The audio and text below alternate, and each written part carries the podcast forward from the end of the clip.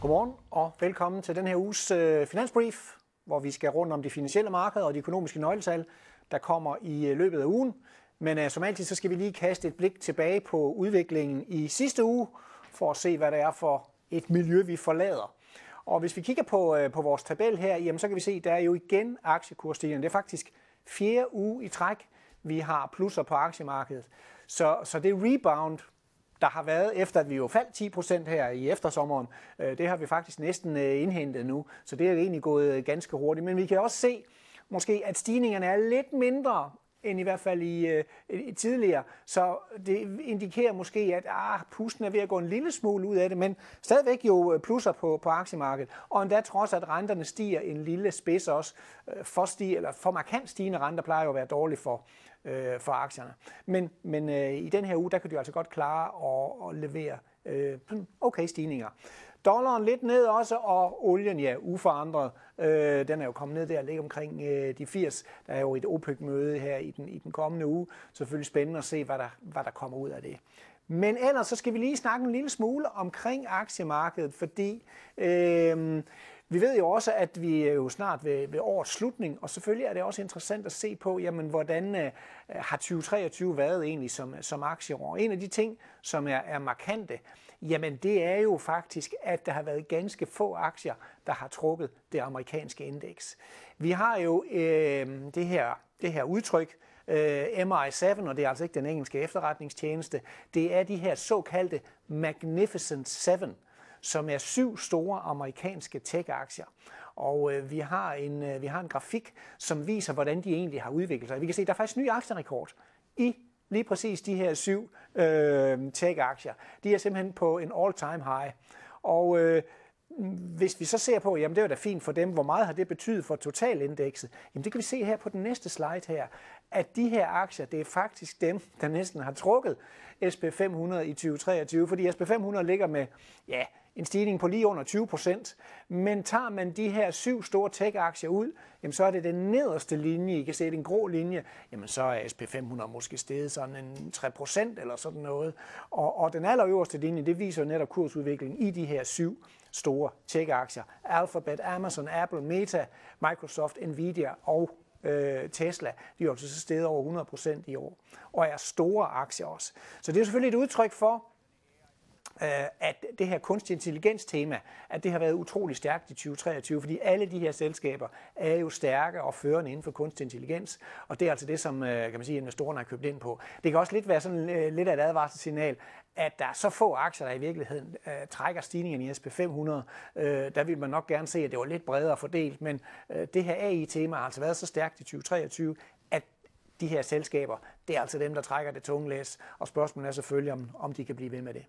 Så uh, Magnificent Seven, uh, de store trækheste i 2023.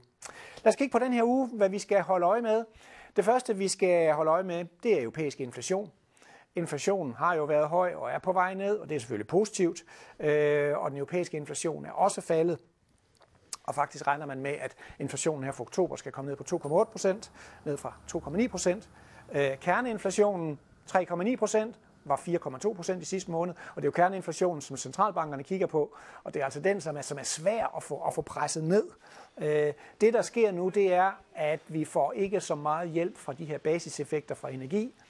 Hvis I husker så i øh, eftersommeren sidste år, havde vi rigtig høje energipriser, og det er klart, at her de foregående måneder har vi sammenlignet øh, med de her høje energipriser, og det har trukket ned i inflationen.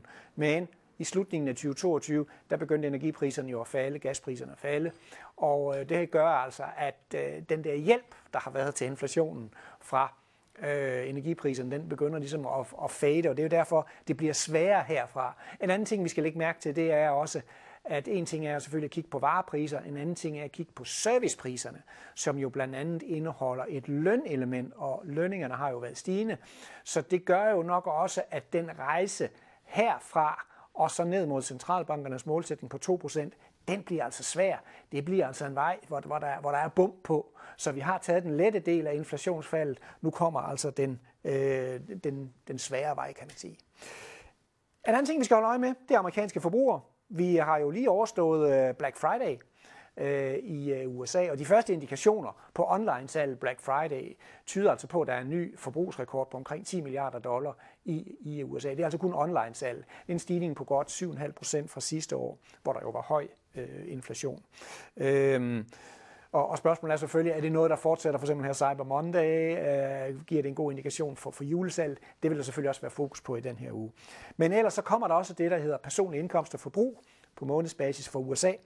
Og, og det ligger sådan, sådan måske lidt til den, til den svage side omkring 0,1 procent måned til måned her i, øh, i oktober. Øh, noget af det, det her opgøres jo i, i løbende priser, kan altså også være fordi, at øh, benzinpriserne er faldet, og det er så faktisk med til at, øh, at trække ned. Så, så lidt mere afdæmpet forbrugsudvikling regner vi med at se her for oktober, det er jo i fjerde kvartal. Øh, en anden øh, ting i den her undersøgelse, der er vigtig, jamen det er det her prisudtryk, der også er for, øh, for kerne hvad kan man sige, prisudviklingen i det private forbrug, fordi den amerikanske centralbank godt kan lide at holde øje med den øh, såkaldte kerne-PCE-prisindeks med, med et mundret navn. Øh, og øh, den vil der selvfølgelig også være, være fokus på, men, men den bliver sandsynligvis også trykket lidt. Der er faktisk udsigt til, at, øh, hvad kan man sige, at den på årstigningsbasis kommer ned måske omkring de her 3,5 procent, og det er faktisk der er lidt mindre end det, som Fed har i deres egen prognose. Men selvfølgelig vil der blive rigtig, holdt rigtig meget øje med, om det nu også passer i de, i de faktuelle tal, at øh, kerneprisinflationen kommer så meget ned. Og igen, USA har selvfølgelig også sin serviceprisinflation, som de selvfølgelig også skal, øh, skal holde øje med. Endelig så har vi også fra industrien i USA, ISM, det er jo det her konjunkturbarometer, der måler, hvordan er aktiviteten i industrien, har vist sig også at være en god pejlemærke for det amerikanske BNP, altså den brede vækst øh, i virkeligheden, der forventer man 47,7, det vil sige under 50, men dog lidt højere end i, i sidste måned, hvor det var 46,7. Så, så en, en, en, lille, en lille forbedring. Vi tror dog, at noget af forbedringen godt kan være midlertidig, fordi det, man skal huske på, det er, at den her strejke, der har været blandt bilarbejdere i USA, den er slut, og det betyder så selvfølgelig, at så kan der komme lidt af et, af et boost i, i produktionen igen, men det er selvfølgelig bare, fordi folk kommer i arbejde. Det er ikke udtryk for, at der er sådan en generel økonomisk forbedring i, i virkeligheden. Så vi regner stadigvæk med, at vi skal ligge under 50, det vil sige, når vi er under 50, så er der sådan set tilbagegang i, i industrien, så det er stadigvæk en svag øh, industri, vi kigger ind i, selvom den altså måske får et midlertidigt løft her i, øh, øh, i den her måned.